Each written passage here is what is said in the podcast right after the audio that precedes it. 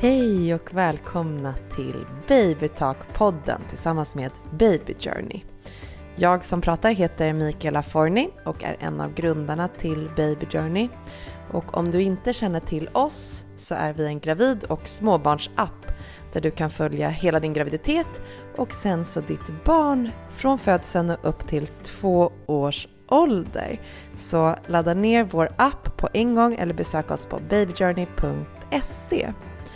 I dagens avsnitt av eh, podden så ska vi prata om ett ämne som ligger mig väldigt varmt om hjärtat personligen, nämligen barn och kolik. Eh, kolik är ju ett begrepp som kan vara lite svårt att förstå sig på. Vad är kolik? När får ett barn kolik? Hur får ett barn kolik? Och vad kan man göra för att det ska gå över?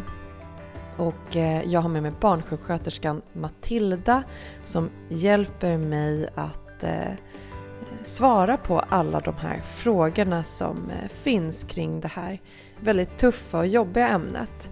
Du som har satt på det här avsnittet kanske just nu själv sitter med en bebis som du misstänker har kolik eller så finns det någon i din närhet som har en bebis som just nu har kolik och du vill vara ett stöd för den eller lära dig mer om det här ämnet.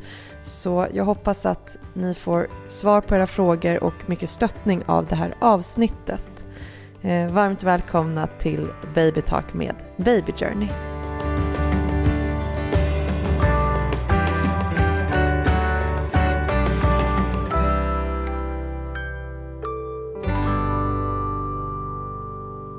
Hej Matilda! Hallå! Hur mår du idag? Jag mår eh, bra. Jag är lite trött, men bra. Ja, vi har ju precis suttit här i en kvart och pratat om olika gravidkrämpor. Yes. För du är gravid i vecka 33 och jag är gravid i vecka 19. Mm. Och vi båda har mått sådär. Ja, det, är, det passar inte vår personlighet kom vi väl fram till. och det är jätteintressant att komma fram till att äh, men det passar inte mig att vara gravid. men jag tror att vi båda ser fram emot slut, eh, slutvinsten i alla fall. Ja, exakt. Gud vad härligt. Är du taggad på din förlossning? Eh, ja, det är jag faktiskt. Mm. Eh, jag har ju ett barn sedan innan och tyckte att det var coolt att föda barn. Mm. Eh, coolare än att vara gravid om man ska sammanfatta det så. eh, så det, jag ser ändå fram emot det. För då vet man också vad man får den här gången på ett annat sätt också. Underbart ju. Mm.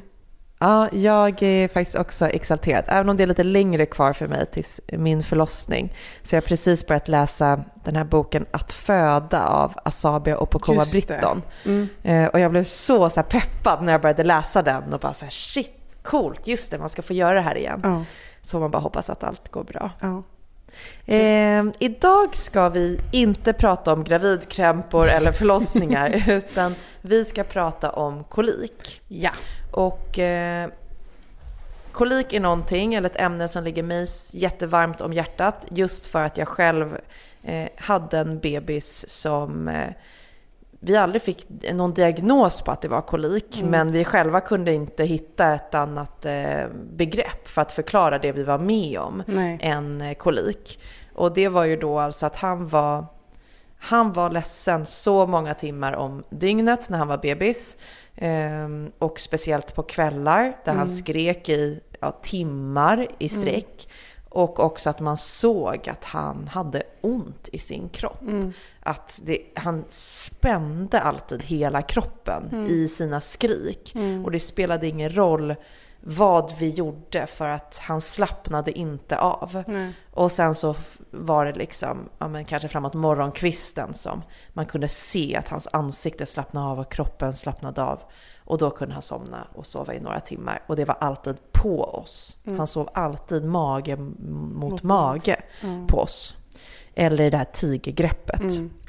Och ehm, ja, när jag ser tillbaka på det så inser jag också att det har eh, verkligen, det har ju blivit som någon sorts trauma. Ja, Eh. såklart. Det blir ju det. Det är ju jättespeciellt hur påverkad man blir. Att jag tänkte inte på det i början. Men sen insåg jag när det hade gått liksom ett och ett halvt år eller något att varje gång jag såg en, en eh, barnvagn med liggdel Mm. på stan så tänkte jag så här, stackars dem. Mm. Och det var helt absurt att jag tyckte synd om folk Mm. som gick runt med en liggdel. Men Mm. det var för att jag själv bara fick den här känslan av eh, panik och att inte kunna trösta mitt barn. Mm. Och att mitt barn bara hade ont jämt. Mm. Ehm, så ja, jag är jätteglad att vi ska prata om det här eh, för att det finns så mycket frågor och så mycket Ja. man vill veta kring kolik. Men eh, min första fråga är hur vanligt är kolik?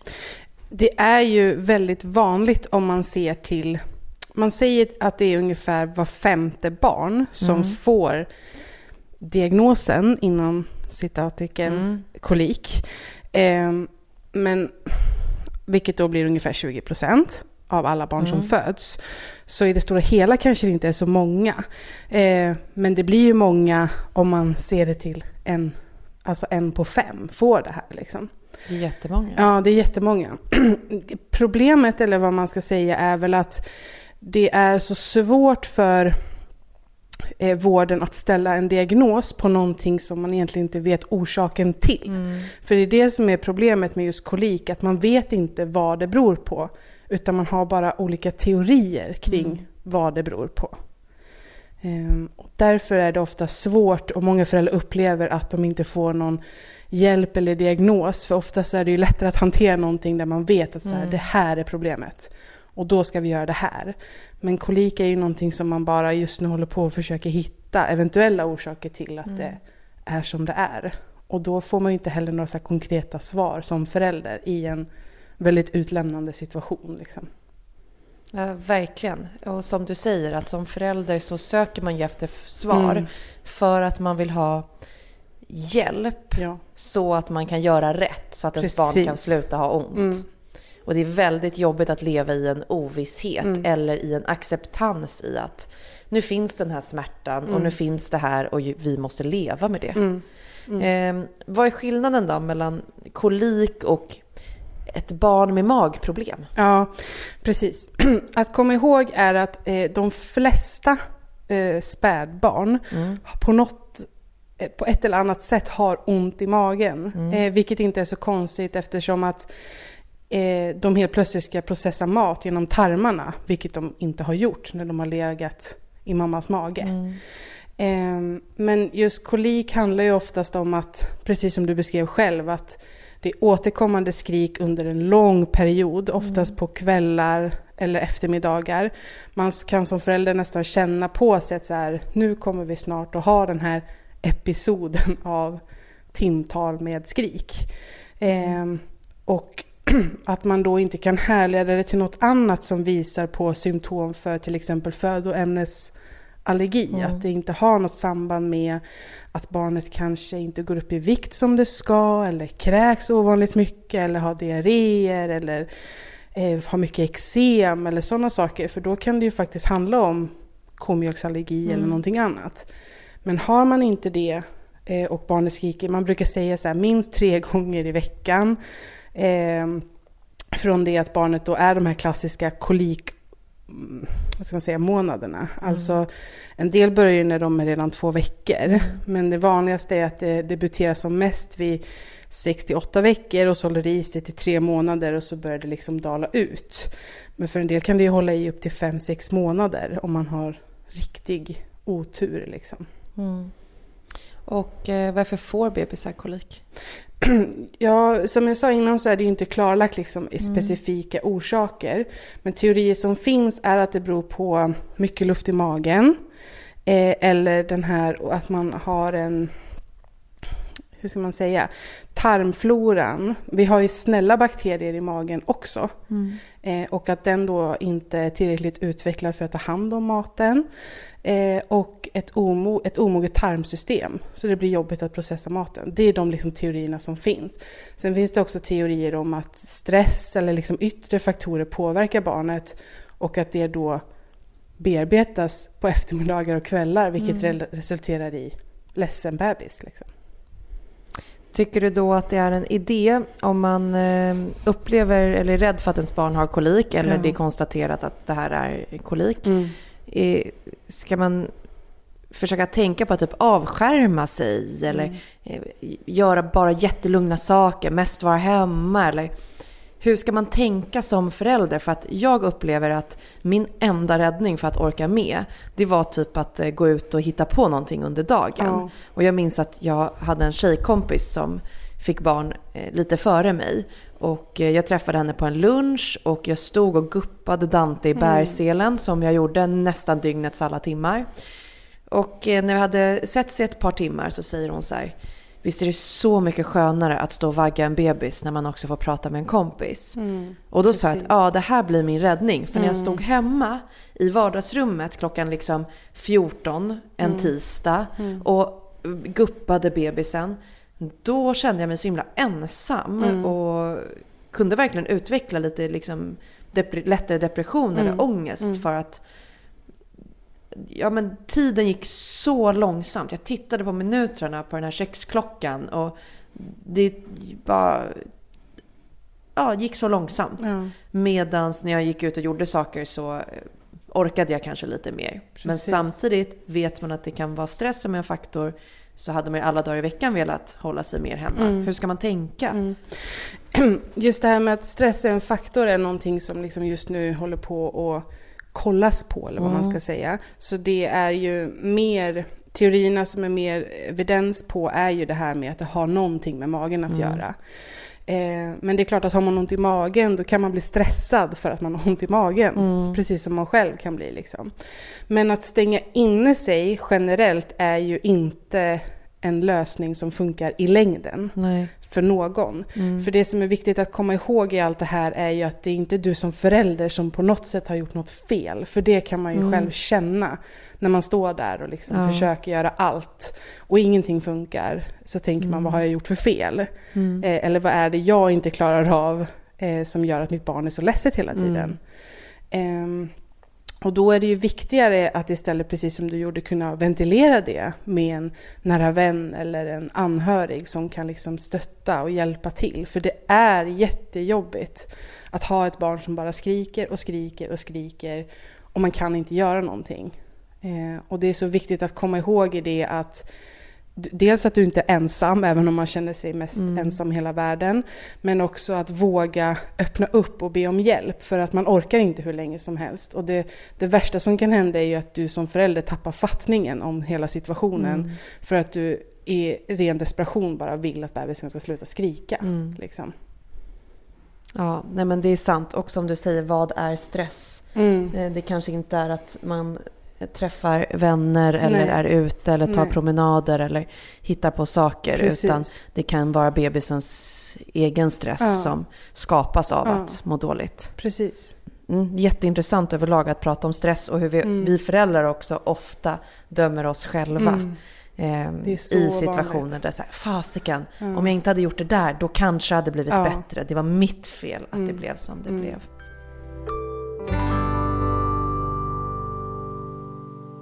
Finns det någonting man kan göra för att minska risken för att en bebis ska få kolik? Um, alltså just det här med att man ska få det eller inte få det är svårt att liksom minimera risken. Mm. Men det man kan göra för att hjälpa är ju dels att man verkligen ser till, om man ammar, att ha bra amningsteknik. Mm. Uh, för att om man då uh, tänker att luft i magen är en bidragande faktor till koliken så vill det ju till att när barnet äter att det inte får i sig mer luft än mat. Mm. Eh, och sådana saker kan man få hjälp med på BVC, att man gör amningsobservationer och ser så här, hur ser det ut när ni ammar. Eh, samma sak gäller även vid flaskmatning, att barnet inte ska få i sig för mycket luft. Eh, och då kan det vara sådana här små saker som hur man vinklar flaskan när det äter eller mm. om man byter napp till det finns ju olika nappar, olika typer av flaskor eh, så man kan anpassa flödet och sådana saker. Eh, viktigt att eh, ta pauser i maten. Man behöver inte stressa fram amning eller flaskmatning utan att det får ta en liten stund. Eh, hjälpa barnet att pausa, kanske rapa. Lite sådana småsaker kan göra stor skillnad i det stora hela. Liksom. Mm. Eh, och då vill jag också passa på att säga att i Baby Journey-appen, så om man söker på i amningskategorin eller om man söker på en pratstund med amningsexperten så har vi en fantastiskt duktig amningsexpert som heter Elin som har gjort eh, korta expertvideos om eh, amning och flaskmatning mm. för små barn. Olika tekniker och hur man kan få hjälp om man känner att man behöver det och tips och tricks på vägen. Precis. Om man, det då har gått så långt att man känner eller har fått konstaterat att ett barn har eh, kolik. Eh, mm. Finns det någonting man kan göra för att underlätta barnets smärta? Det man säger är det här som du också själv har beskrivit, att man gärna har barnet nära. Alltså bärsele, eh, ligga i sängen med barnet mage mot mage. Mm. För just det här med att dels att barnet känner att man får vara nära mamma eller pappa är oftast väldigt lugnande. Mm. Om mamma och pappa själv är lugn såklart, för att annars så vilket man blir, man blir ju stressad när mm. barnet inte slutar skrika. Men att man då kanske byter mellan Eh, alltså partners emellan. Eh, så att man får liksom det här lugnet på något sätt. Mm, det var vår räddning också. Men ja. också för att det blir väldigt varmt. Ja, det blir att ha, Vi fick en sommarbebis ja. och att ha ett barn på dig i många, många timmar. Ihåg att det bara rann mm. liksom eh, Och det svett. blir varmt även för barnet. För barnet kan ju inte heller reglera ja, värmen på samma sätt. Liksom. Så det var skönt ibland att ta mm. loss och så bytte vi av och vi brukade köra två timmar var. För att det skulle gå lite enklare. Ja. Eh, sen finns det de som tycker att det funkar att man kanske badar bebisen, att mm. det är avslappnande. Eh, tycker man att det är jobbigt det här med att sitta hud mot hud hela tiden så kan man ju alltid värma till exempel en vetekudde eller så finns det så här gosedjur med vetekudde mm. i. Så kan man värma i mikron kort bara, inte lika varmt som när man själv vill ha Nej. på typ axlarna. Och lägga på magen, just för att det är lugnande. Och det är det här lugnande som man ofta vill åt, eftersom att de är så spända och liksom det upplevs att de inte kan slappna av. Du mm. kanske känner igen det, att, man, mm. att de de är stressade för att de vet inte själva hur de ska hantera situationen. Det låter lite som att man ska tänka i ungefär samma banor som när man har mensvärk. Ja, lite faktiskt. Alltså att då är det också det här, jag brukar ta bad, ja, att det ska vara varmt och tryggt ja. så att man får slappna av i kroppen. Ja. För att smärta gör ju att du spänner dig. Precis. Eh, magmassage mm. kan vara någonting. Eh, det finns både filmer på 1177 men också så brukar en del och fler och fler BVC erbjuda spädbarnsmassagekurser. Mm. Så det kan man i så fall fråga om man skulle vara intresserad. För det kan ju också hjälpa att lugna lite grann. Liksom. Jättebra. Ehm, sen finns det ju sådana här pysventiler att köpa på apoteket. Mm. Eh, som kan hjälpa till att få ut gaser. Om. Och det är lite debatterat kring så här, är det bra mm. eller inte bra? Utifrån att det är viktigt att barnet själv faktiskt får liksom få ut gaserna och bajset själv utan att man hjälper till för mycket. Mm. Men är det så att det lilla kan hjälpa bebisen, då kanske det är nyckeln till er framgång. Eh, men där får man känna lite själv. Samma sak att det finns ju eh, magdroppar att köpa på apoteket mm. också. Det finns ingen evidens på dem heller. Nej. Det forskars på det. Eh, men en del upplever att det funkar, en del upplever att det inte funkar. Det brukar ju stå rekommendationer på till Precis. exempel de här pysventilerna. Ja. Vi var ganska rädda för att använda dem själva ja. i början för att man vet inte. Man vet inte, men till slut när du blir desperat så testar du ju mm. allt och mm. ser vad som funkar. Mm. Och eh, för oss så var de räddningen, ja. att det blev en lugn stund efter. Och det var nästan så att man stod så här tårögd när man fick se ens bebis slappna av efter att ha varit så spänd så länge. Så man måste känna efter själv eh, vad som känns bra för en själv. Mm. Eh, och för sitt barn. För alla, man kan inte ge generella råd.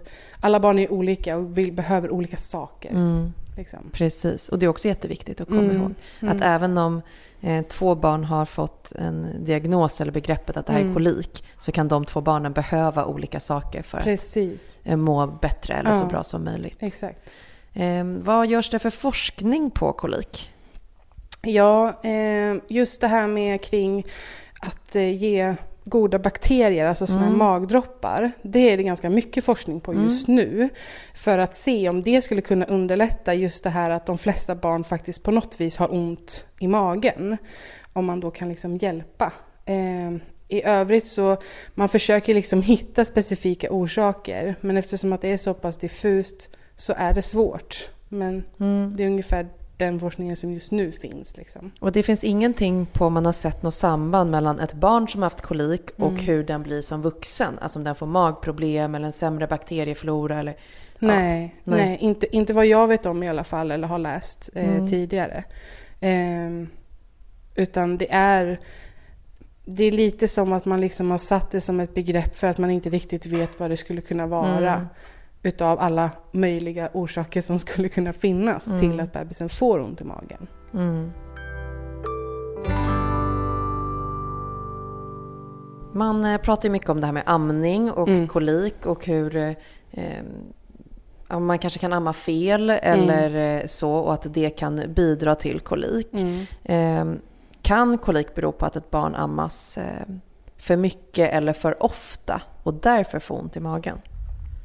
Ehm, det är snarare att man kanske vill att bebisen ska få i sig mer mat. Att det är därför bebisen får ont i magen. Eh, för får de i sig för mycket mat då brukar oftast bebisens reaktion vara att man kräks. Mm. Eh, får de i sig för lite då kan det istället bli att de kanske ligger och suger i sig luft eller att de ligger och liksom ammar och ammar och ammar och att det inte kommer ordentligt för att mm. man inte har en ordentlig, antingen man inte har kommit igång ordentligt med produktionen, mjölkproduktionen, eller att man har fel grepp helt enkelt. Mm. Eh, och därför är det så viktigt att våga be om hjälp om man känner att så här, gud det känns som att jag ammar, man ammar ju hela tiden mm. när man har en nyfödd, så är det ju. Men det ska ju liksom successivt bli lite glesare mellan amningstillfällena. Mm. Och därför är det så viktigt att våga lyfta att så här, det är någonting som inte riktigt känns bra. Eh, sen så följs man ju ganska frekvent på BVC första månaderna. Mm. Eh, och då ser man ju också på vikten. Och så länge ditt barn följer sin viktkurva så kommer inte BVC att säga att någonting är fel utan man måste lyfta det själv i så mm. fall. Att så här, det känns som att det är någonting som inte känns bra med amningen. Kan du hjälpa mig, stötta mig, mm. titta liksom. När det kommer till eh, BVC och stöttning mm. så um, är det flera som har um, skrivit till oss på Baby Journey och det var även kanske min egen personliga uppfattning lite. Att man tog upp det här med magproblem mm. men att svaret blev att ja men alla barn har mm. magproblem eller det är så vanligt. Och som eh, nybliven förälder, speciellt kanske förstagångsförälder, så vet man ju inte vad i vad faller inom ramen för mm. normalt? Mm. Som någon säger till dig att Nej, men det här är normalt. Mm. Då kanske du tänker att aha, okej, okay, så att ett barn skriker eh, fyra timmar i sträck varje mm. kväll. Ja, det, aha, alla barn gör så. Mm. Och så ifrågasätter du inte så mycket mer. Eh, och sen kanske du av en slump kommer över artiklar eller någonting på sociala medier eller pratar med vänner eller i en mammagrupp och förstår mm. att oj, mm shit, det här, är mitt, det här är inte alls normalt. Mitt barn är mycket mer ledset eller har mycket mer magproblem.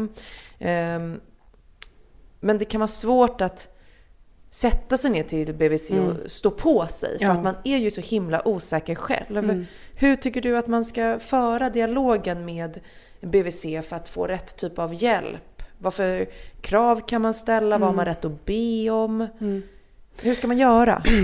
Det är jättesvårt, precis som du säger, och speciellt som förstagångsförälder, för då har man liksom inget eh, att gå efter. Eh, men det man kan försöka då förmedla att så här, du kan, det är klart att du ska säga att mitt barn har ont i magen, eller mm. det, det, känns som att barnet har ont i magen. Men, men att man försöker verkligen beskriva vad är det som händer. Alltså mm. att barnet skriker så här och så här många timmar per dag. Ofta så kommer det då eftermiddag, kvällar, vilket är det vanligaste. Eh, jag kan inte göra någonting. Eh, och också vara tydlig med att berätta att om du upplever att barnet då har eh, mycket kräkningar eller eksem som du inte vet var det kommer ifrån eller bajsar diarré eller sådana saker. Det måste man ju såklart också lyfta upp med BVC. För då kan det ju faktiskt vara en födoämnesallergi som står bakom orsaken. Mm. Eh, men är det bara de här diffusa sakerna som att eh, bebisen skriker okontrollerat flera timmar per dag eh, och vi kan inte göra någonting och det finns ingenting annat som skulle kunna vara en orsak. Eh, vad kan vi göra då? Eh, sen har ju de inte heller så mycket att gå på. Eh, för att det inte finns någonting mer än det här som vi precis har pratat om Mm. att göra. Mm. Rent, det finns liksom inget medicin som man kan göra åt saken. Ehm, men man ska ju alltid bli lyssnad på på BVC. Eh, Mm. Och precis som med, med, med barnmorskan, när man går till barnmorskan under graviditeten. Känner man att man inte liksom har tilltro eller klickar med sin BVC-sköterska så har man ju rätt även där att i alla fall ställa frågan om man kan få en annan. Mm. Det är inte alltid så att man kan det för att det ser ut som det gör.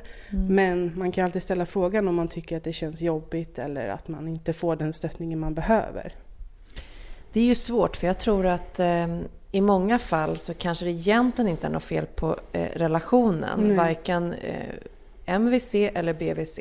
Men just det här med att du är så osäker i Mm. din resa. Precis. Du vet inte vad som är normalt eller inte. Så du vet inte vad du har rätt att be om och inte. Mm. Eh, så du vågar inte riktigt Nej. ta för dig. Men Nej. jag tycker det var jättebra det här tipset du skrev att berätta detaljerat. Mm. Så att man inte kommer och säger att mitt barn har lite ont i magen och Nej. så säger någon att det är ingen fara, Nej. det har så många bebisar. Mm. Men att man kanske säger då att ja, alltså min bebis, nu har jag klockat här och min bebis skriker åtta timmar per dygn. Mm. Är det normalt? Mm. Och då kanske din BVC-sköterska säger oj, nej, det låter lite mycket. Okej, varför skriker den? Mm. När? Mm. Hur? Och att man kanske har gjort en liten lista då Mm. med Mm. om man ser mönster eller som du säger om det finns andra saker som man kanske tänker att äh, men det är väl ingen fara, men det kanske är en orsak. Precis. Så att man tar upp allting. Att ja, men min bebis kräks så här mycket. Mm. Är det normalt Mm. eller är det för mycket? Mm. Och så vidare. Så Mm. att man är detaljerad Ja. med information. Ja, för då blir det lättare för BVC-sköterskan att möta eh, er som familj liksom, i era behov och eventuellt då testa till exempel, ja men om nu då bebisen har flera symptom, att man då kanske testar att mamma bara äter komjölksproteinfritt under en viss period Mm. för att se Hjälper det? Ja eller nej? Eh, eller om man då matar på flaska, att man testar en annan typ av ersättning. Hjälper det? Ja eller nej? Eh, men det, man ska inte testa de här sakerna som förälder själv förrän man faktiskt har pratat med Mm. någon på BVC. Och det är väldigt viktigt att komma ihåg. Just för att då kanske man eh, liksom laborerar sig fram lite utan någon egentligen vetskap om vad man gör. Mm. Som kan ställa till det sen istället då. Att du har slutat äta komjölk bara för att du tänkte att det var det som var Mm. orsaken. Men det kanske inte är det som är grunden till problemet egentligen. Nej. Ja men det är jättebra. Och också att man kanske känner sig lite tryggare. Om man har berättat allt Mm. i detalj om ens bebis och man får någonting man ska testa Mm. eller att Precis. de på BVC bara säger nej men allt det här är helt normalt. Mm. Då känner man sig i alla fall kanske lite lugnare för man Ja. vet att men nu har jag gett så mycket information jag bara kunde. Ja. Eh, istället för att inte riktigt våga Mm. och så säger man någonting litet och sen Mm. vågar man inte riktigt Mm. berätta mer. Och det här som du sa med att skriva ner är ju en superbra Mm. idé. För att ofta så, det är ju väldigt eh, turbulent att få en bebis. Eh, Man kommer inte ihåg allting. Eh, och då när man ska berätta någonting för någon när man redan kanske är lite skör för att man inte har sovit och det har varit jobbigt på grund av de här skrikperioderna. Att man då har en lista och då blir det också tydligt för en själv att säga, men gud det är ju faktiskt så här det ligger till. Mm. Att man kan se det svart på vitt själv också, hur man har det. Verkligen.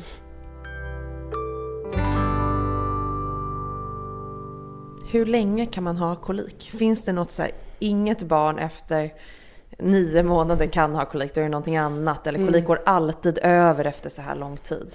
Det man säger är att det brukar ge med sig, alltså den har ju, det är ju då de här topparna vid, vid 4, 6, 8 veckor ungefär. Och sen så brukar det liksom dala vid 3 till 4 månaders ålder. Eh, men det kan ju, för en del så kan det ju hålla i sig ännu längre. Eh, men efter 5 till 6 månader så brukar man då kanske tänka att men det kanske faktiskt är någon annan orsak till de här panikskriken. Mm. Eh, men det vanligaste är att det brukar släppa vid 3-4 månader. Och hur får man diagnosen kolik? Ja, det är svårt att svara på. Eh, men ofta så är det ju då att man, man har uteslutit allting annat eh, som vi har pratat om. Eh, och man ändå kvalar in på de symptom som, eh, som finns. Mm. Alltså det här med att de skriker minst tre gånger i veckan. Mm. Det låter ju lite larvigt att det finns någon sån här gräns mm. men att det ofta kommer samma tid, att det inte är någonting som hjälper, den här spända kroppen och alla de här sakerna. Eh, och att man då har testat de behandlingar som finns. Eh, då får man den här diagnosen.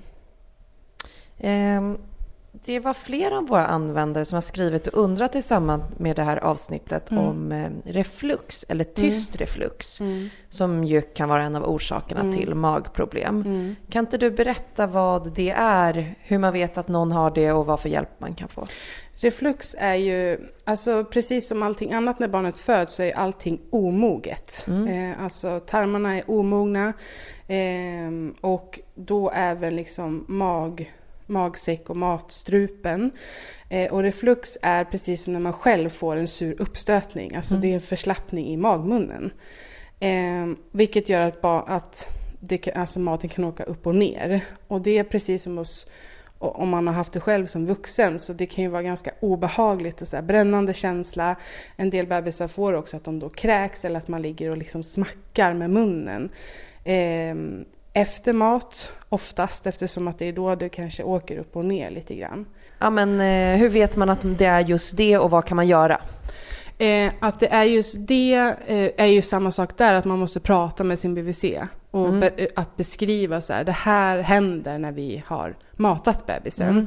Och att det upplevs som att det är jobbigt för bebisen. För att en del kan ju ha det lite grann som en så uppstötning och sen försvinner det. Mm. Eh, och att, den, att bebisen inte reagerar mer på det. Medan andra som har väldigt mycket besvär, de får ju såklart ont för det blir ju det bränner ju och om man, man kräks mycket eller har ont i magen så påverkas ju bebisen av det. Eh, så prata med BVC mm. för att se om, man kan, om de kan hjälpa på något sätt. Det man själv kan göra är att när man har matat bebisen, att man sitter kvar en stund i upprätt läge så att maten liksom får sjunka ner i magsäcken. Mm. Och behöver man lägga ifrån så kan man lägga ifrån med lite höjd huvudända. Mm. Så att maten även där rinner neråt rent tyngdlagsmässigt. Och att det då inte, för lägger man sig platt på rygg, då vet man ju också själv, är man supermätt och så lägger man sig platt på rygg, det är inte heller så skönt Nej. för det blir ett ganska högt tryck. Mm. Och har man då den här förslappningen i magmunnen, då, då åker det ju fram och tillbaka rent mm. anatomiskt. Mm. Liksom. Eh, finns det någonting, om det kan konstateras att det är reflux mm. eller tyst reflux, mm. finns det någonting man gör då? Oftast inte. Mm. Men när det är väldigt mycket besvär då finns det ju vissa läkemedel man kan ge som liksom eh, dämpar det här lite grann mm. kan man säga. Men ofta så behöver man inte ge det. Men det finns om det är väldigt, väldigt besvärligt. För ofta så växer det ju bort. Ju större och mognare, ju större barnet blir och ju mognare själva matsmältningssystemet blir desto bättre kommer också refluxen att bli. Ja, för det var min sista refluxfråga. det var ungefär när försvinner reflux ja. om det är det. Ja. Men vad är, vad skulle du säga på ett ungefär? Tre månader, sex månader, ja. nio månader, ett år? Två, tre månader. Mm. Om ingenting, om det inte beror på någon annan bakomliggande orsak. Mm. Men det vet man ju inte förrän man har fått liksom en, någon form av utredning på vad det kan bero på. Det är så intressant för någonting som jag har tänkt mycket på det är att tre månader är så lite tid i mm. ens liv generellt. Mm. Men de första tre månaderna som jag hade en bebis tyckte jag kändes lika långa som ett år kanske. Mm. Det var de längsta dagarna i hela mitt liv. Mm. Och alla sa att men snart är det över. Men det kändes så oändligt långt mm. då. Mm. Så jag vill också bara säga till den som lyssnar och kanske då har satt på det här avsnittet för att man misstänker att man just nu har en bebis som mm. har kolik. Att så här, vi vet att det känns så oändligt långt, mm. så här, tre månader. Oh no. Men det kommer att gå över. Ja. Alltså tre månader, den tiden kommer ju att gå. Mm.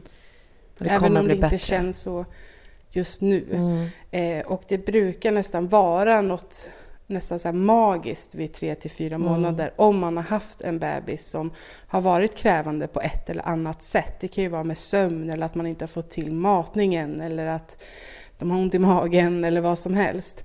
Vid tre till fyra månader så är det som att det händer någonting Mm. och att de börjar liksom bli mer och mer som en liten person. Eh, vilket också blir lättare för en förälder att hantera då på Mm. något sätt. Och på tre månader så hinner du också lära känna din bebis lite mer än vad du gör första veckan. För då står båda ni två som två oskrivna böcker och vet inte alls vad, vad man ska förvänta sig. Liksom. Mm. Och jättefint det du sa att man ska be om hjälp. Ja, det är Från sin omgivning. För att, att bara försöka bita ihop och hålla ut, då kommer tiden kännas ännu längre. Ja.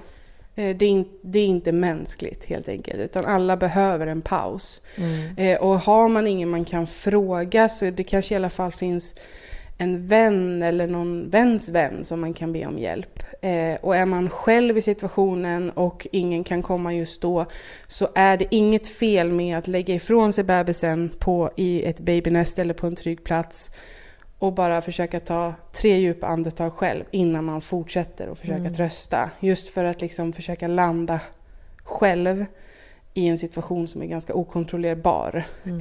Eh, så att man inte eh, tappar det helt enkelt, rent Ja. psykiskt. Ja, ibland känns det ju som att man skulle göra det Ja. eh, där i början. Vi har fått eh, lite användarfrågor. Mm. Jag har valt ut två stycken som jag tänkte ställa till dig nu. Ja. Min son hade vad BVC kallade för kvällsoro. De vägrade säga kolik, men han skrek så fort han var vaken. Det blev också värre på kvällen. Mm. När räknas det som kolik? Det här slutade vid tre och en halv månad. Mm. Precis. eh, precis som vi har pratat om innan Mm. så det räknas ju som kolik då om man eh, har det här med att det är ofta återkommande samma tider, vilket hon verkar beskriva Mm. att det är. Eh, man, de skriker minst tre gånger i veckan eh, och under liksom flera timmar av skrik som inte har någon annan orsak. Mm. Mm. Så det, det, man kanske benämnde det, benämnde det på något annat sätt på den BVCn, inte vet jag. Men det låter ju som att de skulle kunna, att det lika gärna kunde ha varit kolik som Mm. kvällsoro. Och här känns det som att det kanske är en mamma som tycker att det känns jobbigt att det blir en förmildrande ord. Att Precis. kvällsoro, som att det inte är så Mm. farligt men det är någon som har kämpat Ja. här med sitt barn. Ja. Eh, så eh, ibland kan det också kännas lättare att själv bara konstatera att äh, men, Jag, jag att vet vad jag tror Precis. och det får jag landa i. ja, Och sen kan någon annan säga någonting annat. exakt. Nästa fråga. Jag har upplevt att mjölkproteinfri kost vid amning har hjälpt vid kolik. Kan detta stämma?